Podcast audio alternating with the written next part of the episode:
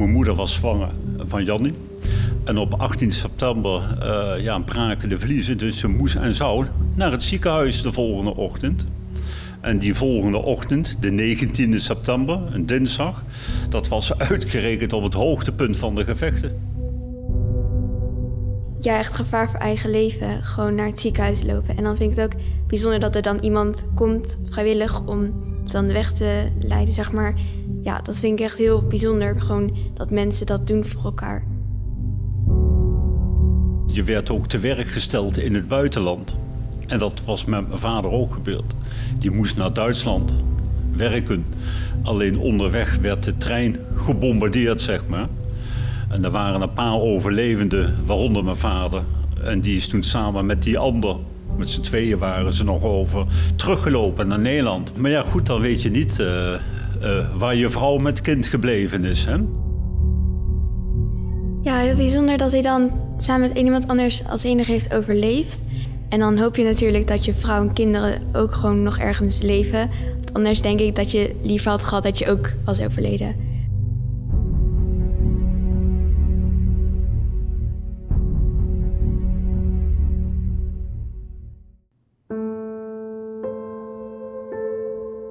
Je luistert naar de podcastserie Ik Kom Terug, waarin je verhalen hoort van de ruim 100.000 mensen die de slag om Arnhem hebben meegemaakt. In 1944 moesten ze hals over kop hun huis verlaten. Niemand wist waar naartoe of voor hoe lang. De Duitsers hadden Arnhem bezet en wilden ruimte maken om de stad te kunnen verdedigen. Mijn naam is Linda Geerdink en ik sprak 20 ooggetuigen met ieder een eigen litteken. En omdat vrijheid niet vanzelfsprekend is, geven we hun verhalen door aan de jeugd van nu. In deze aflevering het verhaal van Hester en Arie van Weelde uit Arnhem door de ogen van de 13-jarige Rijntje. Samen met dichter Jesse Laporte maakte zij een gedicht voor de zoon en dochter van dit echtpaar. Hoi, ik ben Rijntje, ik ben 13 jaar en ik woon in Arnhem. Nou, ik vind geschiedenis heel erg ja, leuk en interessant. En ik vind het ook leuk om het daarover te hebben en terug te denken. En ja, ik vind het gewoon leuk om zo creatief een gedicht te maken of zo. En ja, gewoon bijzonder dat je dit een keer mag meemaken. De moeder van Rudy en Jannie was hoogzwanger tijdens de slag om Arnhem. Toen de vliezen braken, moest ze tussen de gevechten door het ziekenhuis zien te bereiken. Ze was alleen, want haar man moest zich verplicht melden voor werk in Duitsland. Sterker nog, de beweeën die begonnen op 18 september, wat heeft ze toen gedaan? Ja, nou ja, ze, zijn in uh, november 43 getrouwd. En uh, ze kwamen dus in de Alexanderstraat terecht. Als je de Alexanderstraat kent en je loopt nu helemaal uit, kom je bij het Elisabeth Gashuis terecht. En ze waren dus, uh, mijn moeder was zwanger van Jannie. En op 18 september ja, braken de vliezen, dus ze moest en zou naar het ziekenhuis de volgende ochtend. En die volgende ochtend, de 19e september, een dinsdag, dat was uitgerekend op het hoogtepunt van de gevechten. Ja, dus hoe heeft ze dat gedaan? Van petiek tot petiek, met een uh, witte onderbroek als vlag. Samen met een, wat ze toen noemden, een blokhoofd. Een ja. ja. Wat was dat? Ja, iemand die zich opwerpt als vrijwilliger om te begeleiden. En uh, er ontstaat schijnbaar heel snel een soort van hiërarchie dan. Maar ze gingen echt van petiek tot petiek de hele Alexanderstraat richting ziekenhuis. Tussen de gevechten door, ja. En ze heeft het gehaald. Een levensgevaarlijke tocht als je dat zo hoort, hè Rijntje? Ja, heel bijzonder dat het, dat dan ook gewoon nog gelukt is om bij het ziekenhuis te komen.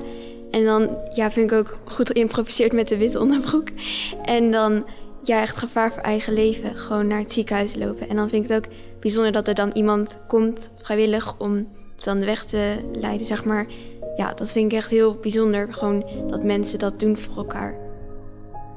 Ze heeft ook in het Elisabeth Gashuis gelegen, een paar uur. Maar het was midden in de gevechten en uh, op een gegeven moment werd iedereen eruit gestuurd, zeg maar, uit het ziekenhuis. En ze was zwanger van jou, Jan? Ja, ja. Ja. Maar dat ziekenhuis, daar lagen Duitsers en Engelsen. en toen moesten ze weg. Ja, toen is ze naar de Amsterdamse weg gegaan. En daar ben ik geboren. Want op de Amsterdamse weg was het Diakonesse ziekenhuis. Klopt, En daar Ja. ben jij dus geboren. daar ben ik geboren. Door een dronken arts. Want die had net weer wat gekregen van Canadezen. Dus En hoe lang kon ze daar blijven? Want niet het- lang. Nee. Nee, toen moest ze daar weer uit. Met een hele groep evacueren. En toen kreeg ze geelzucht, was ze ziek. Toen is ze meegereden met een, met een boer of zo. Hè? En En ze was alleen. ze was alleen. En toen is ze in het eh Krullenmullens Museum terechtgekomen. In het Krullermuller Museum was toen een noodhospitaal ingericht. Moeilijk voor te stellen hè, dat het toen ingericht was als ziekenhuis. Ja, wel verschrikkelijk dat, dan, dat je dan maar in een noodhospitaal moet zitten. Maar ook wel weer heel mooi als je dan nu daar in het museum loopt. En dan zie je natuurlijk al die mooie kunstwerken. Maar ook wel ja, om te bedenken dat hier in de oorlog mensen hebben moeten zitten. Die ja, of een kind hadden of gewond waren. En dan, ja, het geeft wel een mooi idee of zo. Ze hebben er niet voor niet gezeten. Dus soort van half mooi idee. En hoe was de situatie daar in dat Krullermuller Museum? Ja, druk natuurlijk. Er waren, er, wat ik begreep, een hele hoop eh, mensen vanuit Arnhem daar. En eh, ja, je weet niet eh, wat er aan de hand is, hoe lang het duurt, et cetera. En, en ze was heel erg ziek en verzwakt. Dus die, op een gegeven moment ja, zag ze het niet meer zitten. En toen is ze naar haar broer in Den Haag gegaan. Met, haar- met de baby. Met de baby, ja. Ja, En waar was jullie vader? Ja, die, eh, kijk, iedereen die. eh, je kon niet zomaar overal naartoe. Hè? En een paar dagen later al moest iedereen Arnhem verlaten. Hè? Gedwongen. En eh, je, je werd ook te werk gesteld in het buitenland. En dat was met mijn vader ook gebeurd. Die moest naar Duitsland werken. Alleen onderweg werd de trein gebombardeerd, zeg maar. En er waren een paar overlevenden, waaronder mijn vader. En die is toen samen met die ander, met z'n tweeën waren ze nog over, teruggelopen naar Nederland. Want het, het was ergens over de grens, ik weet niet precies waar. En, eh, Richting Bochel de Race of zo. ja, daar in die omgeving. En, eh, maar ja, goed, dan weet je niet eh, eh, waar je vrouw met kind gebleven is. Hè? Dus dat, eh, dat was even zoeken en afwachten. Ja, heel bijzonder dat hij dan samen met iemand anders als enige heeft overleefd. En dan hoop je natuurlijk dat je vrouw en kinderen ook gewoon nog ergens leven. Anders denk ik dat je liever had gehad dat je ook was overleden. Ja, nu in deze tijd kunnen we elkaar bellen. Maar toen kon dat natuurlijk niet. Nee, dat lijkt me echt een onmogelijke zoektocht. En dan hoop je maar gewoon dat het ooit goed komt. En uiteindelijk hebben ze elkaar via het Rode Kruis weer gevonden. Of in ieder geval kregen ze te horen waar eh, de beide waren. En hebben elkaar weer opgezocht. En kwamen zodoende in de buurt van Apeldoorn, Beekbergen, bij een, eh, bij een boer terecht. Toen kreeg mijn moeder weer voor het eerst melk. Vers van de koe. Werd ze daar weer ziek van. en wij lagen in een schuur in het stro. En ondertussen moest ze jou voeden. Ik, ja, ik kreeg denk ik ook melk van die boer. Daarom lust ik nou geen melk meer. Ja, je moet natuurlijk aan jezelf denken, maar ook aan je baby. En ik denk dat je in dit geval meer aan je baby denkt. Van baby op de eerste plaats en daarna kom ik. Dus, maar er is ja, niet heel veel om, om te delen of zo. Dus het is heel moeilijk. En dan wel heel fijn dat je onderdak kan vinden bij een boer. Want ja, niet iedereen is daarin geslaagd. En het is ook heel goed van die boeren dat ze dat toelaten. Want ja, in een oorlog moet je elkaar wel blijven steunen. Maar die, die situatie bij die boer, ze, ze sliep eh, in een schuur. Of wat moeten we ons daarbij voorstellen? Hoe was dat daar? Ja, primitief denk ik. Maar kijk, op zo'n moment weet niemand hoe lang het gaat duren. Iedereen dacht waarschijnlijk aan een paar dagen of een paar weken toen. Uiteindelijk werd het ja, zeg maar een eh ruime half jaar. Maar eh, ja, wat moet je? Je zit daar afwachten tot je terug kunt. Maar je weet niet wanneer dat is. En ze zat daar samen met eh, haar man. Later, ja, die kwam daar dus later bij toen ze elkaar gevonden hadden. hè. Of ontdekt hadden, beter gezegd. Ja, toen, toen zaten ze samen daar in Beekbergen of Apeldoorn. Ja, tegen Apeldoorn aan, ja.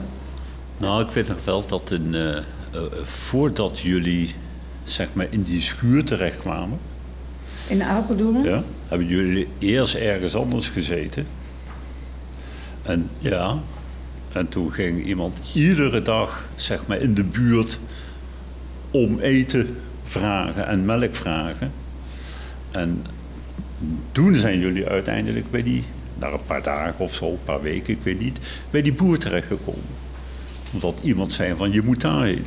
Nou, iets over kleertjes en zo heb. Ik had een tante die zat in Spakenburg. En die kwam op de fiets. Ging ze richting Apeldoorn. Om kleertjes te komen brengen. Ja, ja. Ja, ze fietste wel af in de oorlog. hè. Jullie zijn later nog wel een keer wezen kijken daar. Hè? Eén of twee keer waar, waar eh, ik weet niet Ja. of, dat, of die Ja. boerderij nog bestaat. Maar Ja, want daar zijn we nog een keer geweest. Maar er is een snelweg gekomen. ja. En nou, als je die schuur zag, dat was, ja, ze hebben een huis daarvoor. en die schuur, nou, nou, dat was gewoon een schuur.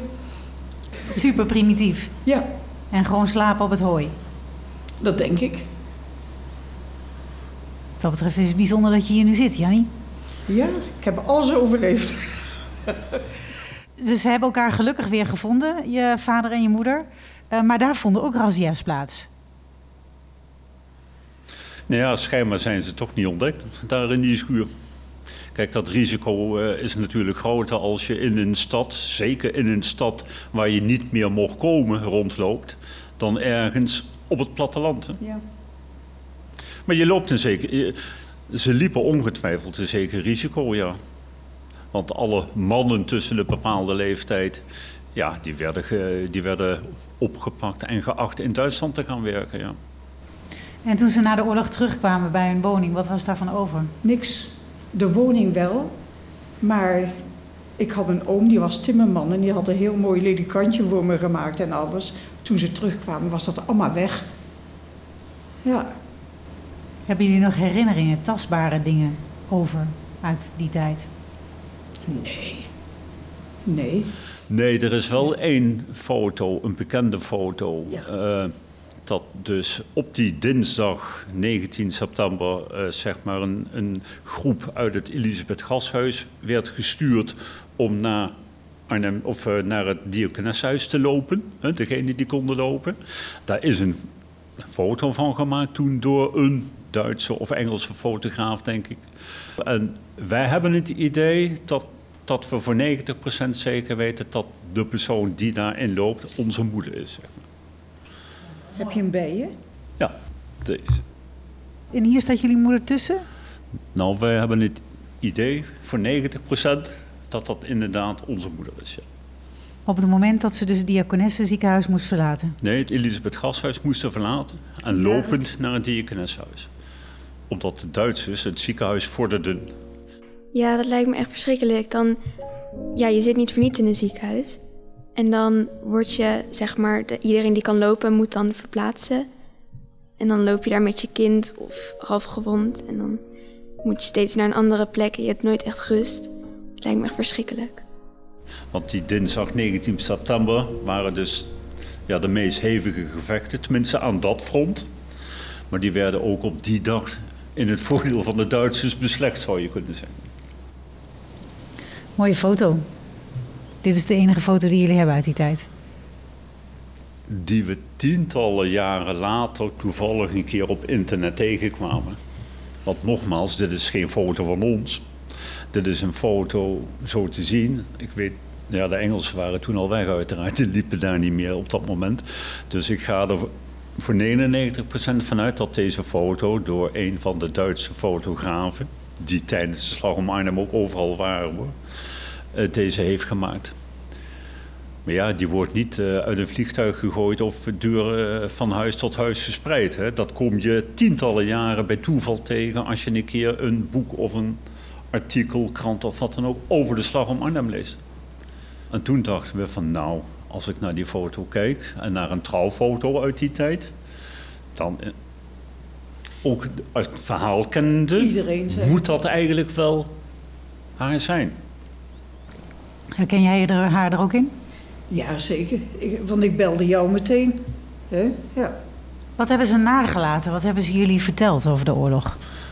Niet veel. Nee. Achteraf denk je, nou, had ik maar meer gevraagd. En toen dacht je, ja, het zal wel. Wat had je nog willen weten? Ja. Eigenlijk Nou. van dag tot dag. Hè? Geheugen is niet feilloos. Als ik had geweten dat we vandaag hier hadden gezeten, had ik heel gedetailleerd alles gevraagd en aantekeningen gemaakt. Maar ja, als, als, je, als je jong bent en ja, je weet dat er een oorlog is geweest, je vraagt er wel eens naar, maar er werd heel weinig over gesproken. Er werd niet echt diep op ingegaan. Dat waren eh, ja, meer losse flarden. En een geheugen is ook niet feilloos. Dus eh, je onthoudt ook maar eh, driekwart zeg maar, van wat je gehoord hebt. En wat zijn de flarden die jou het meest zijn bijgebleven? Ja, dat- wat ik het meest bijzonder vind is dat eh, mijn moeder lag dus een tijdje in het Elisabeth Gashuis. Met een tijdje bedoel ik een paar uur. Hè? Dus ze moesten meteen weer weg. Want het was het hoogtepunt van de strijd die dag. En dan zou je denken dat alle gevechten en wat je onderweg hebt gezien... Hè, want er lagen ongetwijfeld, eh, zag je van alles op straat liggen. Dat kon niet anders. Eh, eh, maar van de gevechten is weinig bijgebleven. Alleen toen ze dus in die zaal lag, in het eh, ziekenhuis... dat ze steeds eh, afwisselend Engels en Duits hoorde schreeuwen op de gang. Dat was eh, ja, een soort kat-en-muisspel. Dat was haar het meest bijgebleven. En toen dacht ik van, huh? Ik had meer verwacht dat alle oorlogshandelingen die je onderweg had gezien... het meest waren bijgebleven. Maar dat was niet zo. Ja, nou ergens denk ik wel dat als je daar dan zeg maar zo ligt en zo, dat je dan ja niet graag terugdenkt aan wat je allemaal op straat gezien hebt. Dan wil je gewoon de wat fijnere dingen onthouden en zo. En dan ding je een beetje zelf het te vergeten. Ja, dus als je in zo'n situatie zit, dan probeer je dat weg te stoppen, denk je. Ja, ik denk het wel. Want je wil er uiteindelijk wel gewoon het meest van genieten. Ook al is het ja, heel verschrikkelijk erg.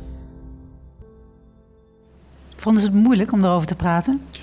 Ja, oppervlakkig eh, ging dat wel. Maar als je dan door ging vragen, dan werd het toch altijd wel een beetje emotioneel. Ja. Bij mijn moeder. Mijn vader, die, ja, daar kon je vragen wat je wou, maar dat, dat, daar kwamen niet zoveel woorden uit. Dat, eh, nee. Wat hebben ze eraan overgehouden?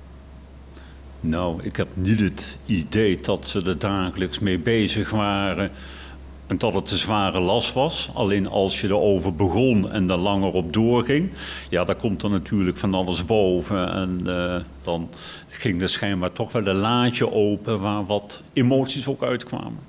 Jullie zitten hier als tweede generatie. Waarom vinden jullie het belangrijk dat dit verhaal wordt doorverteld aan de jeugd? Nou, ik vind het niet zozeer dat eh, belangrijk, praat ik even voor mezelf, niet zozeer belangrijk dat ons verhaal wordt doorverteld, maar ik vind gewoon van geschiedenis in zijn algemeen dat je dat eh, zoveel mogelijk moet vasthouden voor de liefhebber, want weg is weg. Daar komen we nu zelf ook achter, nu we niet alle vragen hebben gesteld. Hoe denk jij hierover?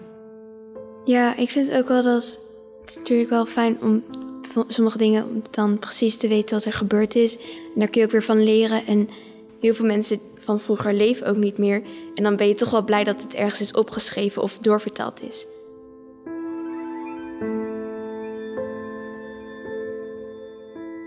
En wat, Raantje, moeten we er dan vooral van leren? Wat wil je daarvan meenemen in jouw gedicht? Want misschien is dat wel een mooi punt om mee aan de slag te gaan, Jesse. Wat vind jij?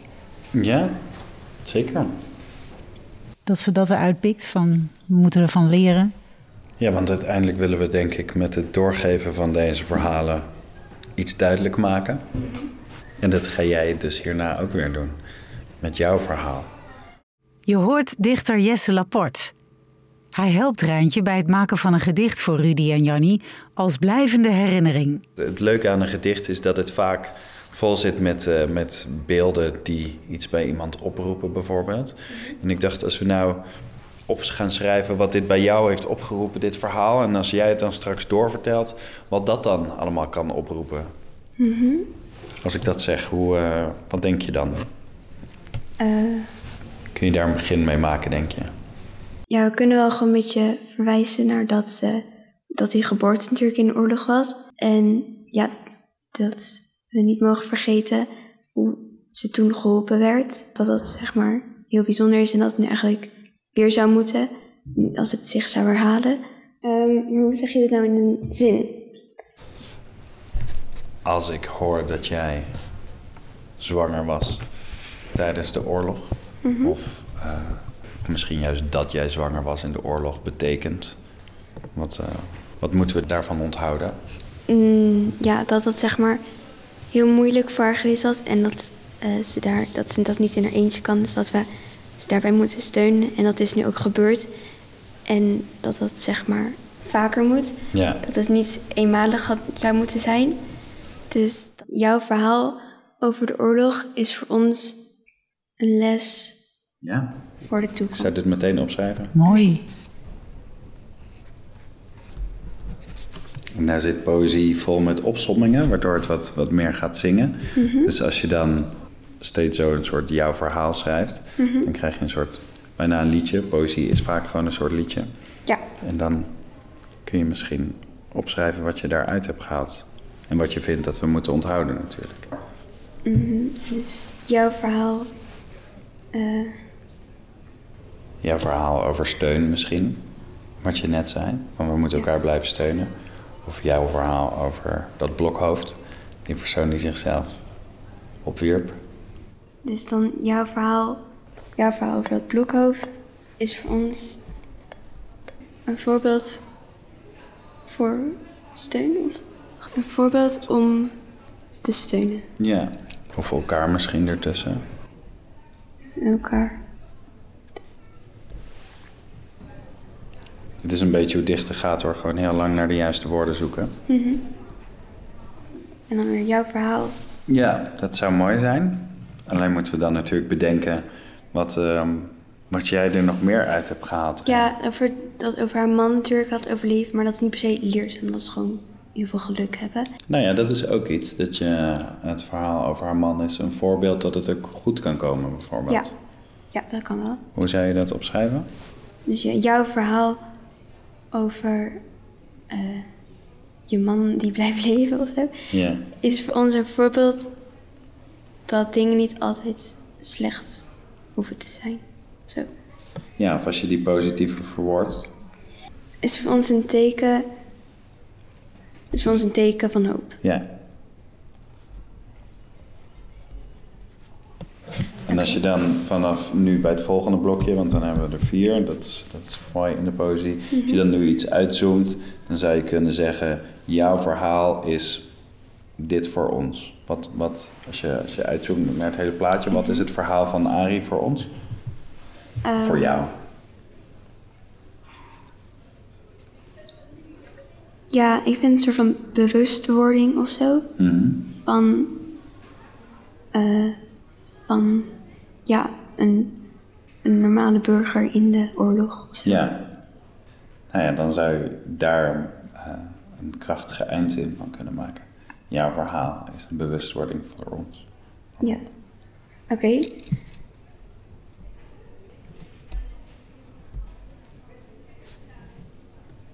Wil je hem aan ons laten horen? Jouw verhaal over de oorlog is voor ons een les voor de toekomst. Jouw verhaal over het blokhoofd is voor ons een voorbeeld om elkaar te steunen. Jouw verhaal over je man die blijft leven is voor ons een teken van hoop. Jouw verhaal is een bewustwording voor ons. Dankjewel. Wat vind je er zelf van? Ik vind het mooi. Ja, toch? Je hebt gewoon gedicht nu.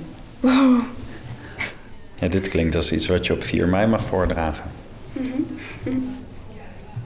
En zou je het aan Rudy en Jannie, Ja, Jannie willen laten horen? Ja. Leuk, mooi. dat gaan we dan doen in het Openluchtmuseum. Ja, nou, weer zin in.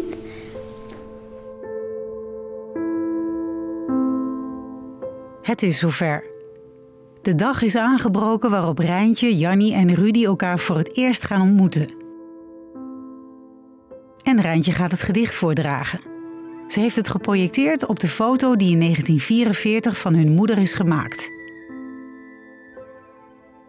Hallo. Hallo. Ga zitten.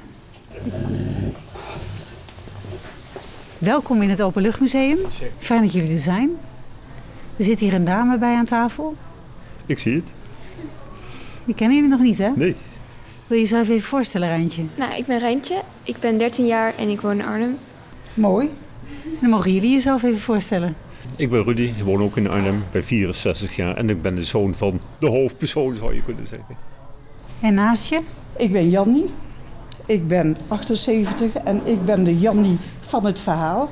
En ik woon in Doetinchem. Bijzonder, Rijntje, dat ze nu naast je zitten. Ja, heel leuk. Ja, want jij hebt het verhaal natuurlijk gelezen en gehoord. En ehm, ja, Rijntje die heeft eh, iets moois voor jullie gemaakt. Nou, ik heb een gedicht gemaakt voor jullie. Moet dat nu voorlezen? Knap. Jouw verhaal over de oorlog is voor ons een les voor de toekomst. Jouw verhaal over dat blokhoofd is voor ons een voorbeeld om elkaar te steunen. Jouw verhaal over, als je, over je man die blijft leven is voor ons een teken van hoop. Jouw verhaal is een bewustwording voor ons. Mooi gedaan. Er zit ook nog een foto bij. Ach, ja. Wat leuk. Nou, dat heb je mooi gedaan. Ja. Maar ook eh, fijn dat de jeugd bereid is te leren van de, van de geschiedenis, zeg maar. Dat is niet vanzelfsprekend. Dus eh, mooi dat het verhaal aansprak. Heel mooi gedicht. Het is echt gebeurd, hè? Dus in die zin, eh, die geschiedenis die verwatert toch al zo gauw. Dus als het op die manier op scholen en in projecten in leven wordt gehouden, alleen maar mooi, hè? Rijntje gaat in ieder geval jullie verhaal doorvertellen. Zeker? Nou, leuk, fijn dat je het verhaal in leven houdt en doorvertelt. En eh, bedankt dat je je specifiek in dit verhaal eh, hebt willen verdiepen. Ja, graag gedaan. Het is niet te hopen dat jij je eerste kind zo krijgt. Hè? Nee, Ja, dat is wel bijzonder, hè? Ja, Want hun moeder was dus zwanger van Jannie. ja, van de eerste kind. Ja, Ja, Voor hetzelfde geld dat zij het niet eh, overleeft. Maar ze zit hier nu wel naast je. ja nou heel lang. ik vind het heel bijzonder. En ik denk dat als ik ooit een kind krijg, dat ik er ook zeker aan terugdenk. Nou, nou. Mooi, Dan heeft het behoorlijk indruk gemaakt. zeg dat wel. Ja. Je luisterde naar de podcastserie Ik Kom Terug. Wil je meer evacuatieverhalen horen? Luister dan hier naar andere indrukwekkende herinneringen. Zo ook het verhaal van Jenny van Dinter. Als meisje van tien schuilde ze in de kelder van hun huis. Even waren ze veilig, totdat hun huis in brand vloog. Mijn vader had een leren riem en daar sneed hij stukjes af, zodat we iets in de mond hadden om te kauwen. Dat je het gevoel had dat je mond niet zo droog werd. En de sneeuw die we naar binnen haalden om te zuigen. En het enige eten wat we hadden was die uh, tulpenbollensoep. De verhalen van ooggetuigen worden steeds zeldzamer. Deel daarom deze podcast, zodat iedereen hoort dat vrijheid niet vanzelfsprekend is. Deze podcastserie is mogelijk gemaakt dankzij de samenwerking tussen Airborne Museum Hartenstein, het Nederlands Openluchtmuseum, de Airborne Region, Bureau Kessel en de NOW Foundation. Met steun van provincie Gelderland, Programma Vrijheid, gemeente Arnhem, VSB-fonds en het V-fonds. De redactie werd gedaan door Marieke van Kessel. De montage lag in handen van Linda Geerdink. En de eindmix deed Peter Kluiver. Wij hopen natuurlijk dat veel mensen gaan luisteren en daarvoor helpt het wanneer je een recensie achterlaat bij Spotify of Springcast. Graag tot de volgende aflevering.